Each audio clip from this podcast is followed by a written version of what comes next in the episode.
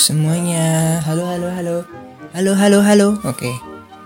Ya, kembali lagi. Satu, dua, tiga, dan halo semuanya. Kembali lagi bersama Rido Roti. Dan sudah cukup lama sekali ya. Sudah sekian lama kita nggak bikin poles kaca. Oh ya, sebentar, sebentar, sebentar. Tunggu dulu.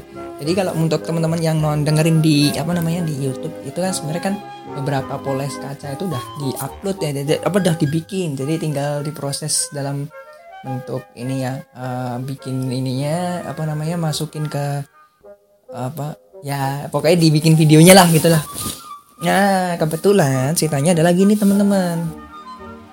Dulu itu bikinnya udah banyak. Nah terus akhirnya uh, mohon maaf nih pekerjaannya uh, pekerjaan pekerjaanku waktu itu ngeselin banget. Jadi sampai dari pagi sampai pagi sampai malam itu tuh enam hari itu nggak pernah kayak ya setiap enam hari itu kayak gitu terus jadi uh, mau bikin di hari Minggu diajak keluar. Mau dibikin tak maghrib capek. Jadi ceritanya gitu teman-teman. Oke? Okay?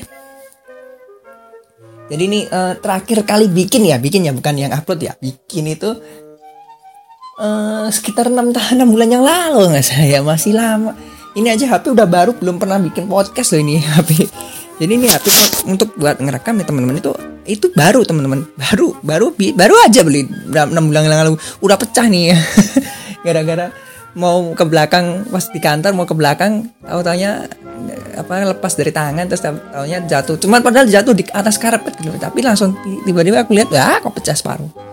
Ya ya udahlah nggak apa-apa lah. Yang penting bisa dipakai masian oke jadi untuk poles kaca kali ini uh, emang rencananya gini teman-teman. Uh, untuk poles kaca episode kali ini nanti aku pengennya ini langsung masuk ke laptop kita proses di situ kita upload besoknya. Jadi pas uh, itu biar bener fresh khusus buat bulan Ramadan. Ini teman-teman ini tanggal 2 teman-teman 2 April.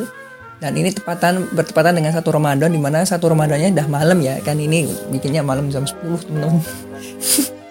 Dan kebetulan ini teman-teman aku bikinnya di kosan teman-teman. Nggak lagi di rumah. Kenapa? Karena sekarang pindah kerja teman yang awalnya di di rumah di Solo sekarang pindah di Bandung loh teman-teman. Balik lagi ke teman ke tempat lagi. Dan kalau misalkan teman-teman mendengarkan suara-suara uh, dari luar ya ini ada beberapa nih di samping kamarku nih. Ini dapur ya teman-teman. Samping kamarku dapur tapi ada tangki. Jadi kalau misalkan ada suara-suara cut nah itu adalah tangki ya. Tangki air kalau nanti suara-suara lainnya ya bilang aja ya. Ya nanti kita rukiah lagi teman-teman. Oke jadi untuk kali ini teman-teman uh, jadi untuk uh, rencana kami uh, rencana dari poles kaca ini nanti adalah aku bi mau bikin khusus Ramadan teman-teman. Jadi nanti ada masalah apa sih yang selama selama ini dibahas apa yang selama ini muncul di bulan Ramadan? Masalah apa apa aja masalah-masalah apa aja yang muncul kita akan bahas di polas kaca kali ini ya teman-teman dan jadi uh, teman-teman bisa langsung aja uh, dengerin polas kaca ini langsung dari uh, apa namanya Spotify ya. Teman-teman kalau misalkan teman-teman punya Spotify bisa dengerin langsung. Atau mungkin uh, dengerin lewat YouTube. Dan ini semuanya adalah opini teman-teman. Kalau misalkan loh aku saya nggak setuju, setuju boleh monggo. Karena di sini opini saja dan uh, aku pengen melihat dari sisi lain gitu. Jangan sampai kita satu sisi terus satu satu pengennya satu sisi terus semuanya sama. Enggak aku pengen teman-teman di sini juga terbuka. Dan ini memang khusus banget poles kacanya uh, khusus bulan Ramadan. Jadi nanti kita bahas tentang masalah-masalah yang ada di bulan Ramadan sebenarnya. Seperti itu aja sih teman-teman. Dan nanti kalau misalkan teman-teman follow akun aku ya yang Ridos underscore pasop nanti dia juga bakalan banyak Eh, postingan-postingan agamis ya di sana nanti di story kalau di postingan biasanya nanti akan di post di akun pribadiku yang asli yaitu adalah yang Ridos Pasop tanpa underscore. Ridos Pasop. Nanti di situ juga ada eh, postingan-postingan uh, yang juga nanti 30 hari bercerita teman-teman. Seperti itu. Oke jadi untuk kali ini uh, pembahasan kali ini sebenarnya sudah saya bahas tahun-tahun kemarin mungkin ya. Mungkin udah dibikin ya dan udah diupload tapi belum dirilis ya mungkin ya pas aku bikin ini. Jadi adalah sebenarnya adalah salah satu daerah dan ini sebenarnya tiap tiap tahun ya tiap tahun di satu daerah itu selalu menerapkan ini karena emang di sana mayoritas Islam.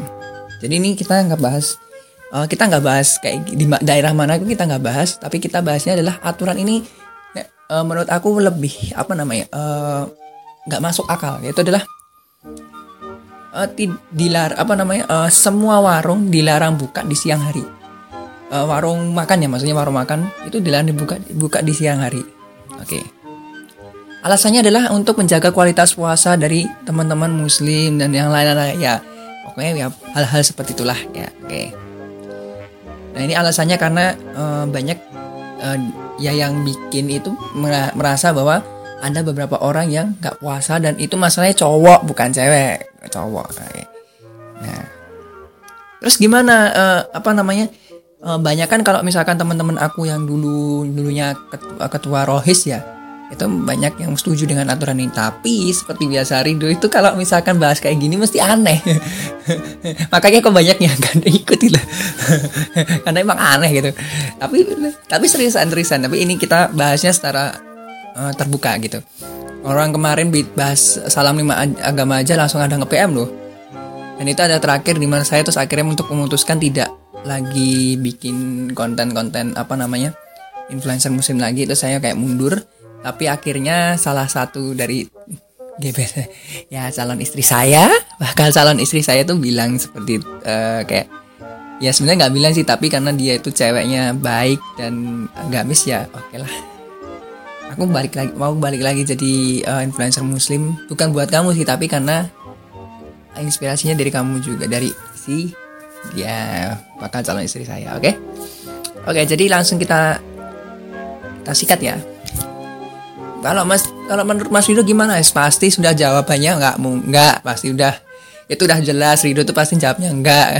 Pokoknya ada satu uh, apa namanya kalau misalkan di berita-berita terus akhirnya di up gitu ya. Kalau tanya Rido masih jawabannya itu kebalikannya itu itu aja pasti. Kenapa? Oke, saya jelasin gini. Kita kalau misalkan kita referensikan pada zaman Nabi masalahnya satu teman-teman. Zaman Nabi nggak ada warung warung wart warteg belum ada zaman Nabi mah zaman Nabi benar-benar literally kalau misalkan uh, apa namanya uh, komunitas Muslim kan karena kan belum uh, belum belum jadi negara kan se se bahkan sepertinggalan Rasulullah SAW tuh belum jadi negara baru jadi negara itu setelah zamannya Umar bin Khattab atau di ini ya Ali bin Abi eh Umar bin Khattab atau Utsman bin Affan Utsman bin Affan itu salah satu dari beliau berdua ini yang akhirnya mengubah uh, yang tadinya komunitas menjadi negara. Kayak kan mulai dari Utsman bin Affan kan banyak banget yang namanya pemberontakan. Dan itu bukan karena Utsman bin Affan yang buruk ya, tapi itu ceritanya nanti itu beda lagi dan itu adalah salah satu alasan kenapa uh, Islam kok uh, banyak uh, perpecahan nih. Nanti teman-teman baca aja sendiri karena aku juga udah baca sih. Karena kalau aku buka buka buka buku kayak gitu tuh langsung baca yang belakang sendiri. Ya itulah kenapa sih kok bisa turun? Kan apalagi Ali bin Abi Thalib tuh ya Allah kenapa kok bisa orang sepintar dia orang sehebat dia kok dibunuh? Oh, ya Allah. Oke, jadi barusan ada suara, tapi bukan suara ini ya suara, tapi suara kayak jatuh itu apa sesuatu yang jatuh itu. Mungkin ada baru. Karena kemarin di ini kan tanggal 2 ya teman-teman. Tanggal kemarin tuh tanggal 1 tuh ada tabrakan di sini teman-teman di deket kosan gue nih. Mungkin ada teman-teman yang ngikutin berita di Bandung mungkin. Oh. Motor teman-teman. Biasa. Karena kan ini di lantai tiga teman jadi kan kedengeran. Oke ya. Tadi balik lagi. Terus gimana apa jawabannya? Enggak. Kenapa? Ya kita uh, apa namanya sebuah seorang muslim yang kalau yang dia benar-benar berpuasa dia punya iman. Ini nanti akan jadi postingan yang uh, di akun kuasi seorang ini beneran ini serius. Seorang muslim yang sejati dia tuh punya iman. Gak akan tergoda yang namanya itu. Makanya kalau mau dibuka atau enggak kalau misalkan dia benar-benar berpuasa dia nggak bakalan tergoda. Itu udah dasar. Kalau misalkan dia um, alasannya kayak gitu berarti apa? Dia nggak punya iman. Selesai jadi dia puasa hanya untuk ibadah bukan iman. Harusnya kan iman. Emang Allah minta kita untuk beribadah tapi iman dulu, diimani dulu. Apa diimani dulu apa? Bener nggak Allah itu butuh kita untuk ibadah atau jangan-jangan kita kayak istilah kayak giving something to Allah enggak? Allah juga uh, menyebutkan di salah satu surahnya Allah itu tidak butuh ibadahmu Allah tidak butuh apa pun dari kamu jadi kita jangan craving something ke Allah termasuk ya ibadah makanya banyak loh yang mohon maaf ya ini ada kalau misalkan teman-teman ada yang tersinggung ya. Um, banyak orang yang aku lihat itu ibadah itu nggak ikhlas. Artinya apa? Ya pokoknya wah itu ibadahnya banyak pahalanya ya. Terus akhirnya dia melakukan itu. Padahal bukan ya salah pahala pahalanya teman-teman. Tapi masalah uh, apa namanya masalah iman. Allah ya kalau kita percaya bahwa Allah itu ngasih kita sesuatu apa namanya Allah itu pasti akan balas apa yang kita lakukan kita percaya aja itu bener serius. Itu serius. Aku nggak bohong. Benar ya. Oke sorry sorry sorry. Tadi ke ke, ke belakang teman-teman jadi ke kamar mandi. Buang air besar teman-teman tiba-tiba. Jadi langsung ke pause. Oke langsung. Kalau misalkan nanti teman-teman mendengarkan ini tadi kayak loh kok beda apa namanya kok ngulang lagi? Karena tadi uh, saya ke boker terus ah, potong apa pos aja. Terus tiba-tiba pas selesai boker di, di apa pas boker tadi ngobrol yang lain gitu. Terus akhirnya pas balik lagi tadi sampai mana ya? Oh, lupa. Ya udah. Jadi balik lagi ya. Tadi uh, alasannya gimana apa uh, jadi uh, kita bahas tentang uh, warung yang buka pas apa buka siang hari ya pas siang hari di bulan Ramadan. Itu jawabannya uh, apa uh, apa namanya suatu aparat akan menutup apa menghimbau apa menyuruh ya bukan menghimbau lagi tapi sudah melarang untuk warung warung warung makan untuk buka di siang hari. Saya jawab saya jawab tidak setuju bahkan sangat tidak setuju sekali. Dan ini emang uh, apa tadi aku sudah bilang di awal ya uh, sangat sensitif tapi akan aku jelasin kenapa alasannya. Jadi gini pertama tadi untuk puasa itu balik lagi ke iman. Percuma kita kayak istilah kayak uh, puasa. Pengen apa memang kita tuh katakanlah nggak puasa tapi kita terpaksa puasa. Akhirnya apa? Apakah kita jadi puasa? Enggak aku merasakan sendiri. Jangan pikirin aku merasakan sendiri. Karena dulu waktu aku apa namanya jadi uh, mohon maaf ya aku jadi ketua rohis waktu itu. Ketua rohis aku ikhlas. Bener serius. Maksudnya uh, bukan kayak oh ya wis lah aku jipu jipu enggak maksudnya aku emang ikhlas karena emang beberapa teman saya memilih saya untuk jadi ketua ketua rohis waktu itu oke. Okay. tapi yang membuat saya enggak ikhlas itu apa? Ketika saya mencintai perempuan salah satu perempuan yang di situ waktu itu. Uh, dia juga anak rohis kan. Uh, terus apa yang saya lakuin? Saya pengen banget ketemu sama dia terus akhirnya apa yang saya lakuin adalah ikutin apa yang dia uh, ikutin. Maksudnya uh, kayak dia organisasinya apa aja sih? Ini ini ini. Oh ya udah aku ikutin itu juga. Akhirnya apa? Aku pas tahun 2018 aku sama dia juga udah nggak lagi seneng ya. Itu uh, akhirnya aku ngerasain kayak aku, kok masuk apa aku masuk uh, grup ini tuh buat apa ya? Kok aku ngerasa kayak aku nggak ngerasa Islam ya di sini? Karena rata-rata ya itu tadi balik lagi. Kenapa? Itu tadi yang uh, dulu tuh aku paling mohon maaf ya paling aku benci itu ada ketika kamu merasa pintar tapi kamu merendahkan orang lain yaitu satu contohnya. Jadi uh, salah satu hal yang aku benar-benar dulu paling nggak suka adalah ketika kita pintar tapi kita ngerendahin orang lain. Kenapa karena menurut aku yang yang bisa ngerendahin orang lain ada orang-orang yang dia tidak mau nggak mau dikalahin. Ya iyalah. Ibarat sekarang gini ibarat eh, sekarang kita ada di lantai tiga. Gimana caranya kita ngomong kalau orang lantai empat tuh lebih rendah daripada kita? Ya gampang suruh dia keturun ke bawah tah bukan berarti terus kayak wah aku paling tinggi padahal dia lantai empat loh. Ya pasti dia malunya lebih bergede kan. Ya udah suruh dia turun. Eh turun lamu lantai dua. Akhirnya dia lebih lantai dua. Kan kita dia masih di lantai tiga gitu. Terus akhirnya eh aku paling tinggi. Itu yang sebenarnya apa yang terjadi saat ini. Kita malah pinter kita malah punya iman tinggi tapi kita nggak ngeras kita nggak ngerasa merangkul orang-orang yang tadi nggak punya iman yang imannya dikit. Harusnya gimana? Ya harusnya kita kita jelasin dulu organsinya puasa itu apa. Terus kalau misalkan apa sih yang mereka alami apa yang benar-benar mereka alami kenapa kok mereka nggak puasa itu harusnya tahu semuanya. Bukan langsung kita langsung merasa bahwa wah aku takut kalau orang-orang puasa itu uh, apa ini urusin itu kan urusan mereka masing-masing. Yang kamu harus urusnya adalah justru orang-orang yang nggak puasa ini kita itu kenapa? Ada loh orang orang yang mohon maaf ya mereka memang di apa didapat uh, apa namanya ini? Ruksoh ya ruksoh ya namanya keringanan keringanan kan ruksah kan namanya dapat ruksah. Tapi kita kita wajibin dia puasa kan lucu. Itu harusnya nggak bisa. Dan terlebih lagi banyak kan yang non muslim juga butuh makan siang hari. Makanya yang paling bener itu adalah ketika mereka tuh buka tapi tutup kurdanya itu udah bener. Intinya kalau misalkan kalau menurut aku ya udah buka buka aja tapi yang penting kamu tutup udah itu aja buka pun ya nggak masalah orang ya nggak masalah. Kalau dia imannya kuat kalau imannya kuat dia nggak bakal ngelakuin yang namanya maksiat. Udah. Itu paling sederhana. Nggak ada yang namanya imannya kuat terus akhirnya ada maksiat terus dia takut ke budaya nggak ada coy. Nggak ada. Kalau namanya imannya kuat mau itu maksiatnya paling gede pun ya tetap dia nggak akan maksiat. Karena apa? Dia punya iman. Yang itu yang nggak ditanamin sejak mohon maaf beberapa aku kan sering mengikuti beberapa kajian dan banyak yang mereka tuh nggak nanamin ini. Malah justru mbak kebanyakan bahas tentang ibadah. Itu harusnya menurut aku itu harusnya step terakhir. Kalau kamu nggak benahin akhlak dan iman ya percuma kamu bahas ibadah. Dulu aku pernah bahas ya teman-teman mungkin mungkin ada di upload atau di mana dulu tuh uh, ini belum ini masih uh, apa namanya pengalamanku lah ya, pengalamanku pengalamanku. Belum pengalaman ini kakakku. Kalau pengalaman kakakku lebih parah lagi itu di Mekah loh coy. Pengalamannya sama cuman beda tempat. Aku dulu pas kuliah di Bandung aku nggak sebut tempatnya di mana. Kuliah di Bandung depan saya ya apa pas mau sholat depan saya kosong.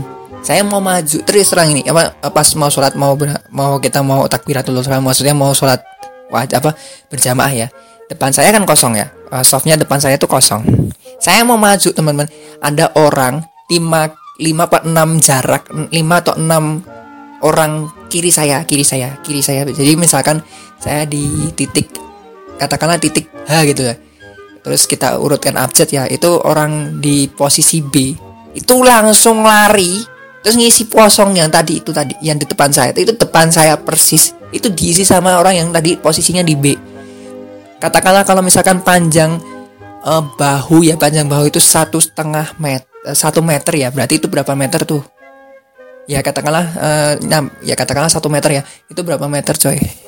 Biasanya kan nggak nyampe satu meter ya itu berapa meter tuh? Kalau misalkan sampai B 5 6 orang lah 6 orang kiri saya itu lari loh. Berarti sekitar 6 meter 6 meter dia lari ke tempat depan saya yang kosong itu saya padahal udah mau maju. Itu kejadian coy ah masa itu beneran? Aku nggak bohong aku nggak ngarang cerita apalagi kakak saya yang lebih parah. Dia kerjanya di Mekah coy. Di Mekah atau di Medina gitu. Jadi ceritanya dia uh, kakak saya itu mau mau sholat kan ya. Padahal uh, apa namanya uh, softnya udah rapat banget. Ini ada orang saya nggak sebut negaranya di mana pokoknya orang. Ya pasti orang muslim ya. seorang seseorang. Dia tuh tiba-tiba itu masuk ke softnya kakak saya samping kakak saya terus kakak saya ditempetin jadi yang awalnya harusnya uh, ideal posisi ideal ya satu setengah panjang bahu ya teman-teman. Itu jadi 0,75 lah panjang bahu. Jadi kakak saya tuh uh, apa namanya siku kakak saya itu udah kayak nggak sikunya udah masuk ke dalam tubuh. Jadi bener-bener kayak uh, dia tuh nggak bisa sholat lah istilahnya. Kayak kalau misalkan duduk tawarok atau tak duduk tawarok dia gak bisa gitu istilahnya gitu. Karena di, di apa disusupi sama orang tadi. Dan masanya pak orangnya gede. Dia cerita sendiri aku tuh kayak gini gini. Adalah harusnya itu imannya dulu iman sama akhlak itu kalau kayak gitu tuh nggak boleh coy. Nggak boleh. Harus tahu harus tahu kayak gitu tuh harus tahu oh iya gini kan gini. Itu harusnya tahu. Itu tuh udah masuk adab. Lah kalau adabnya kayak gini nggak dibenain ngapain kita ngomongin kayak gitu itu yang sebenarnya selama ini salah dalam uh, tapi masalahnya apa? Ini kita nggak pernah pelajari dari awal. Tuh karena kita terlalu memfokuskan tentang nilai. Pelajaran agama di sekolah itu memfokuskan nilai. Sampai sekarang tuh mohon maaf ya pelajaran agama sama kenegaraan itu aku masih bingung kenapa ada gitu. Karena mereka masih mengejar nilai. Padahal aku tapi untungnya waktu kuliah itu aku ngarang semua ceritanya ya waktu apa namanya jawab sebuah pertanyaan tuh aku ngarang lihat dapat tetap dapat nilainya bagus. Yang penting masuk aja lah masuk aja. Gitu. Agama sama aku juga ngisi se sekenanya eh tiba-tiba masuk aja dapat nilai segini. Aku juga dulu waktu uh, jadi mentor ya jadi mentor itu juga sama aku nggak nggak mau bikin kayak gitu. Terus akhirnya aku bikin yang benar-benar obvious jawabannya ini pasti ini gitu loh. Jadi dan dan masih aja yang salah gitu jawabannya obvious tapi bukan yang tipe yang kayak tadi yang benar-benar jawabannya obvious yang mana uh, di buku itu ada kalau kamu mau open book silakan itu barangnya ada gitu loh. Tapi di apa namanya di esainya saya bikin intinya kalau kamu nulis itu saya bikin nilainya kok bagus sudah kalau kamu nulis panjang pun aku kasih nilai bagus. Jadi yang penting intinya ada isinya udah intinya ada isinya dan nyambung. Itu aja. Dan rata-rata uh, anak-anak didik saya bisa. Dan malah justru kebanyakan materi ini kalian dapat apa? Materi ini dapat apa? Dapat apa? Dapat apa? Dapat apa? Dan aku, aku memang bikin waktu itu ada diskusi di mana ternyata dari antara mereka waktu itu ada yang ateis. Jadi mereka mengambil agama Islam tuh buat uh, memenuhi syaratnya kuliah waktu itu. Jadi syaratnya kan harus belajar agama ya tapi mas saya kalau agama ATS kan nggak ada di sana ATS saja nggak punya agama kan. Nah, mas saya itu akhirnya dia lebih oh, udah memilih uh, agama yang dia sebenarnya harusnya di KTP-nya dia lah. Agama Islam ya udah. Ada terus waktu itu ada dan dia cerita terang-terangan terus aku bilangin ya nggak apa-apa. Lebih baik kamu merasa tidak punya apa merasa bahwa uh, kamu belum percaya Allah atau Tuhan sepenuhnya daripada kamu percaya tapi kamu tidak tahu Allah itu apa. Itu bahaya sekali.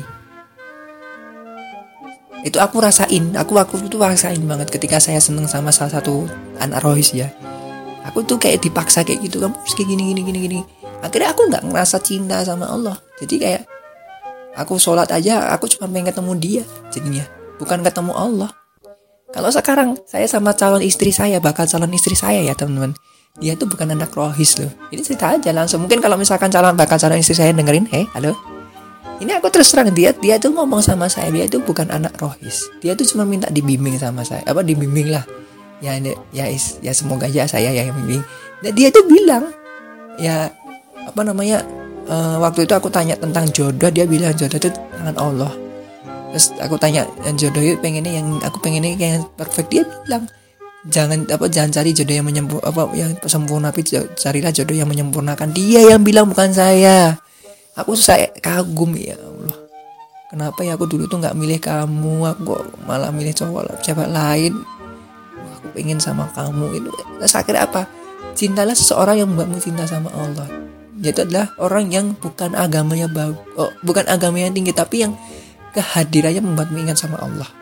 Itu adalah orang yang terbaik menurut aku dan itu tuh susah saya aku tuh kalau ketemu sama teman-temanku yang rohis belum tentu dia tuh bikin saya ingat sama Allah. Serius seriusan aku nggak bohong.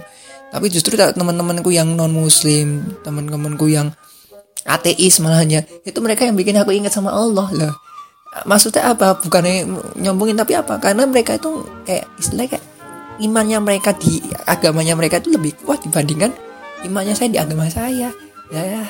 Terus apakah saya pindah agama ya enggak. Tapi ya aku kayak aku kagum banget. Ternyata ini loh yang mereka itu kenapa kok enggak apa namanya mereka tetap kekeh sama apa namanya kepercayaannya karena ini karena mereka imannya kuat di situ. Jadi kita nggak akan bisa nggodain dia untuk pindah. Tapi aku akhirnya buka-bukaan aja. Dan banyak kok yang ada yang bilang uh, banyak teman-teman saya yang ateis itu bilangnya kayak gini. Karena kalau uh, ada yang masalah uh, eksistensi Allah dan lain-lain. Aku malah justru bagus. Kok aku bilang bagus? Kenapa? Ak ak ak akibatnya kita uh, apa namanya mempercayai bahwa uh, Allah itu bukanlah sesuatu yang uh, yang kayak istilah kayak kita harus kayak gini kayak gitu. Enggak. Allah tuh nggak butuh kita. Itu ada tuh ada dari sini ada satu suratnya juga ada. Baca cari aja. Allah tuh butuh apa sih kita? Nggak butuh apa-apa Allah tuh cuma pengen merindahkan kita untuk ibadah udah. Inna khalaqtul jinni wal insi illa liya'budun. Menyembah loh ya Menyembah bukan ya beribadah kan. Tapi illa liya'budun kan Maksudnya menyembah Allah kan pada hakikatnya. Gitu. Menyembah Allah tuh gimana Gimana cara kita menumbuhkan cinta sama Allah? Ya itu. Itu nanti yang akan menjadi postingan saya di Story saya nanti. Jadi uh, lebih ke situ. Kita balik lagi sebenarnya balik lagi balik lagi terus. Jadi kalau misalkan kita punya iman tinggi apakah kita tergoda? Jawabannya ya nggak bakal tergoda lah. Orang sekarang gini aja jam 4 pada uh, takjil banyak banyak banget loh di jalan. Emang kamu udah buat buka jam 4 kan nggak ada. Ya kamu oh, masih dua jam lagi. Itu yang namanya iman. Iman lu adalah bukan berarti terus orang kayak gini ya udah kita ngikutin. Enggak tapi kita yakin bahwa itu jawabannya. Selesai. Sama dan itu orang itu kita susah loh membuat iman. Ya itu susah banget. Susah mau aku berapa tahun. Kalau nggak ketemu bakal calon istri saya juga gak bakal sempurna banget. Padahal dia bukan anak rohis guys. Aku selalu bilang itu bukan anak rohis. Bahkan dia tuh uh, secara pakaian aja bukan anak rohis banget gitu. Dia cuma pakaian pakai rok. Udah selesai. Iya seriusan. Kerudungannya kerudungannya ya nggak lebar selebar anak-anak rohis tapi dia kerudungan biasa tapi apa yang membuat saya jatuh cinta adalah ketika dia tuh mengingatkan saya pada Allah. Kayak kamu tuh bukan rohis anak rohis tapi kamu tuh bikin aku ingat sama Allah gitu. Aku lebih milih kamu sih daripada perempuan lain. Karena ya buat aku butuh ya cewek ya kamu lah. Itu makanya aku nggak terlalu gampang terputakan sekarang. Karena sekarang yang terjadi adalah orang-orang yang punya agama itu nggak punya iman. Tapi orang yang punya iman mah justru nggak punya apa orang-orang yang punya iman tuh malah justru yang nggak apa agamanya itu nggak terlalu agamis gitu orangnya itu tuh sangat sangat sangat pak uh, apa namanya sangat concern buat saya. Makanya saya di tahun ini mau resolusinya adalah Allah tuh nggak akan mengubah nafsi suatu kaum sebelum kaum tersebut mengubah diri mereka sendiri. Itu yang saya pegang. Dan ketika kita sendiri tidak mencintai diri kita sendiri ya terus uh, gimana kita bisa mencintai orang lain? Gimana cara kita mencintai diri kita sendiri gampang. Ketika kita nggak bisa nggak kuat ibadah ya udah dia di stop aja. Saya nggak mau yang ibaratnya gini kalau kamu teman-teman merasa bahwa pengen target 30 30 jus apa 30 jus dalam sehari eh tiba-tiba teman-teman ada kerja ada tapi teman-teman tinggalin itu semua buat ngaji itu Allah nggak lebih nggak suka. Kenapa? Allah Allah tuh nggak suka sama orang-orang yang meninggalkan tanggung jawabnya hanya untuk ibadah padanya. Padahal Allah tuh nggak butuh ibadah kamu. Kan lucu loh Allah tuh pengen lihat kamu tuh eh, oke okay, kamu kamu saya kasih apa namanya pahala banyak di bulan Ramadan silahkan ambil sebanyak-banyaknya. Tetapi kalau kamu apa namanya kalau kamu melakukan hal yang biasa aja apa yang sering kamu lakukan biasanya tapi kamu am kamu laksanakan dengan sepenuh hati saya ya saya Allah itu akan janji apa Allah itu akan berjanji akan melipatkan akan hal itu juga. Ibaratnya gini kita kerja Senin sampai Jumat jam 7 sampai jam 3 sore katakanlah jam 3 sampai jam 4 sore. Terus habis itu di pekerjaan itu kita bikin apa namanya uh, bikin kita tuh haus atau capek atau bikin ngantuk katakanlah gitu kan ya. Eh bikin ngantuk katakanlah gitu. Tapi kita tahan itu Allah lebih ridho daripada kita tuh baca Al-Quran dari pagi sampai sore. Kenapa? Kalau kamu baca Al-Quran pagi sore tapi kamu nggak kerja ya kamu kamu istilah ya tadi salah satu orang munafik. Dipercaya tapi berkhianat. Karena kamu ada kontrak atau kamu kamu tuh tanggung jawab kamu kamu nggak tanggung jawab sama itu bagaimana tanggung jawab sama Allah gitu loh. Gitu. Makanya kenapa kok saya selalu menekankan jangan sampai uh, ibadah kamu kuatkan tapi iman kamu kakak kamu nggak kamu tinggiin sama aja gitu loh. Nggak nggak ya kamu jadi orang biasa gitu. Di mata aku jadi biasa juga sama gitu. Makanya kenapa kok nggak nggak setuju ya kan balik lagi. Kita kalau misalkan benar-benar punya iman yang mau dibuka 24 jam pun kita nggak bakal ke sana. Sekarang gini aja. Restoran fast food 24 jam emang ketika kita lewat terus mampir kan? Ya enggak kalau kita lapar mampir aja gitu kan. Nah terus tanyanya lapar itu juga sama kan? Itu juga ke keyakinan. Saya lapar tapi saya nggak ngerasa lapar. Ya udah yakin saya yakin nggak bakal lapar gitu. Itu rasa keyakinan balik lagi yakin itu kayak gitu teman-teman.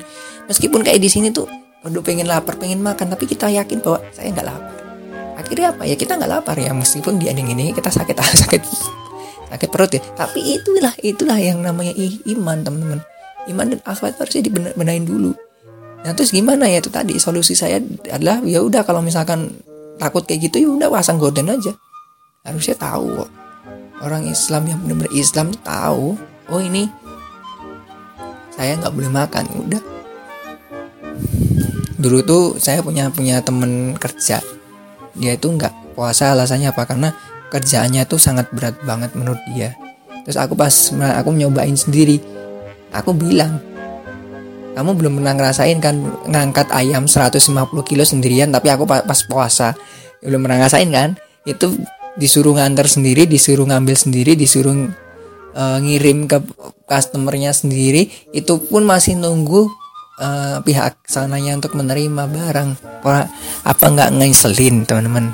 Nah seperti itu malah curhat kan. Tapi ya itu balik lagi kita harusnya kita harusnya bahas iman kan sama apa sih urgensinya puasa? Apa sih apa kenapa kok puasa ini penting ya kan? Oh sama urgensi.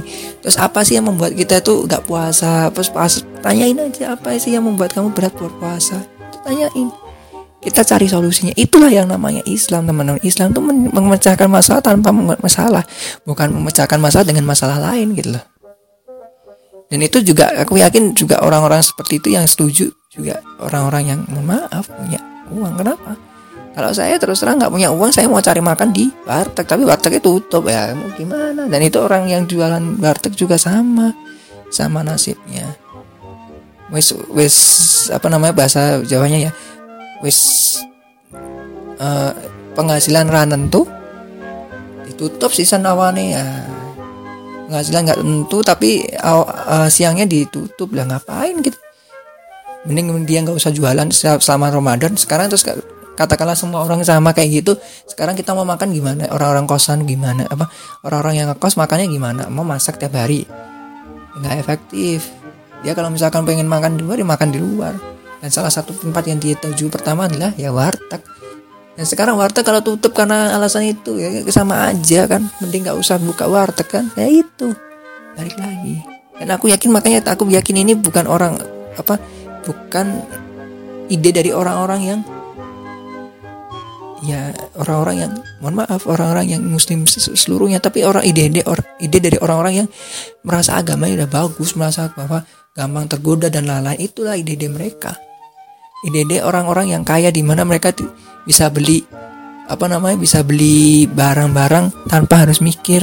Dan mereka merasa bisa beli kompor dan gas padahal orang-orang yang tadi dia tutup ya itu buat dapat 5000 aja susah payah minta ditutup lagi aduh duh. Nggak masuk akal gitu. Makanya kalau teman-teman yang dukung ya silakan. Tapi kalau buat saya kalau mau ikut saya silakan. Tak kasih loh di belakang loh. Ya tak kasih tiket pokoknya intinya kalau mau ngikut aku silakan gitu. Gitu. Jadi kesimpulannya juga kayak gitu. Jadi kalau teman-teman mau tutup tutupin aja silakan. Kalau mau mau ngikutin mereka juga silakan. Kalau buat dari sisi saya percuma kalau kita nutup kalau iman dan akhlak kita juga nggak diubah. Karena yang harusnya paling penting dan paling utama adalah kita memperbaiki akhlak dan iman bukan memperbaiki itu. Oke teman-teman udah mulai ngantuk daripada nanti ngelantur. Karena kemarin tuh aku ngobrol sama Allah ya terus ngantur teman-teman. Tiba-tiba kok bisa bahas kayak gini terus akhirnya tidur lah tidur tidur tidur ya gitu Oke, jadi makasih yang udah dengerin polas kaca kali ini ya teman-teman polas kaca kali ini nanti langsung di up di apa namanya dibikin langsung di upload teman-teman. Jadi insya Allah nanti hari ini semoga aja bisa langsung rilis ya. Ya besok ya maksudnya tanggal 1 Ramadan bisa rilis teman-teman. Oke, makasih yang udah dengerin polas kaca kali ini. Mohon maaf kalau ada salah kata dan nanti ke ke depannya kita akan bahas tentang eh, masalah-masalah uh, yang terjadi selama bulan Ramadan. Oke, seperti itu teman-teman dan salam roti semuanya. Lap, lap, lap.